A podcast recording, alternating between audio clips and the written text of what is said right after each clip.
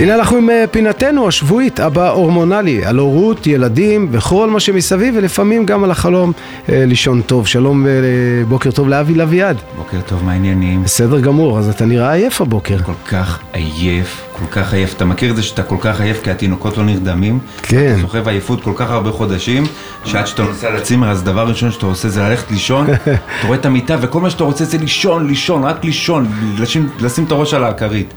אבל יש רגעים נדירים שהילדים כן ישנים, וכשהם חולמים הם נראים כאלה מתוקים ונינוחים, ואני, אם אני אקח את עצמי בתור דוגמה, אחרי לילה ארוך של חלומות, אני פשוט קם גמור, אני קם עייף, מזיע ועייף, אני פשוט עייף. בחלומות שלי, אני הולך לפה, מדבר עם ההוא, יש לי כל הזמן כל כך הרבה סידורים, אני קם כל כך עייף, שאני צריך ללכת לישון עוד פעם בגלל שישנתי כל הלילה. עכשיו גם שמתי לב שכשתינוקות ישנים וחולמים, הם עושים קולות כאלה חמודים, אתה מכיר את זה? בה בה בה, ביש ביש ביש, אבל לפעמים פתאום מתחילים לצרוח כל כך חזק, אתה מפחד שמשרד הרווחה יגיע עוד מעט דרך הדלת. הרבה פעמים אתה מגיע לחדר שלהם בבהלה, מגלה שבכלל אה, רום מעלתו אה, כולה נפל המוצץ או שהוא צמא.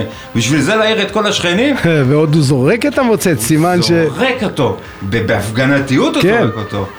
גם לפעמים כשאתה מגיע אליהם לחדר אתה קולט שהם בורחים וצורכים עם עיניים עצומות, הם ישנים ובורחים. בפעמים הראשונות שזה קרה לי הייתי די מופתע, כי אתה רגיל שצורכים עליך בעיניים כן. פקוחות. סורטים, מתעללים, עכשיו זה פיצ'ר חדש, הם ישנים ובוכים. כאילו לא מתאמצים בכלל להתעורר בשביל להעיר אותך.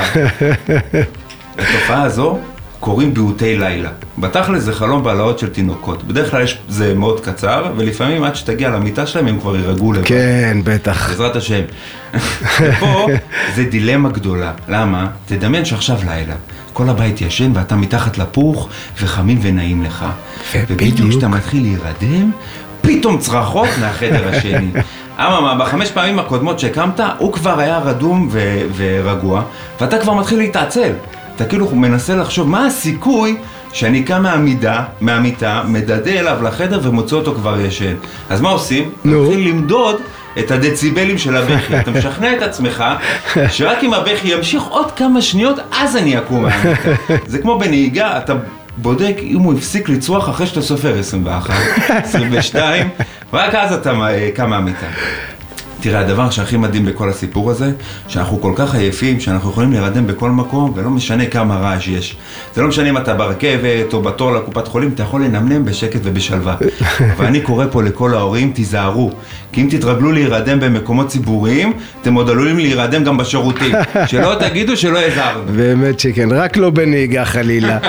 תודה רבה לך, אבי לביאד, אבא רבה הורמונלי, לכם. היום באמת על תינוקות שלפעמים בודקים אותנו, ולפעמים סתם הם פשוט בוכים מתוך שינה, ואנחנו כהורים רגישים אה, פשוט לא מצליחים להירדם, ורואים את זה עליך. תודה ושיהיה שבוע נפלא.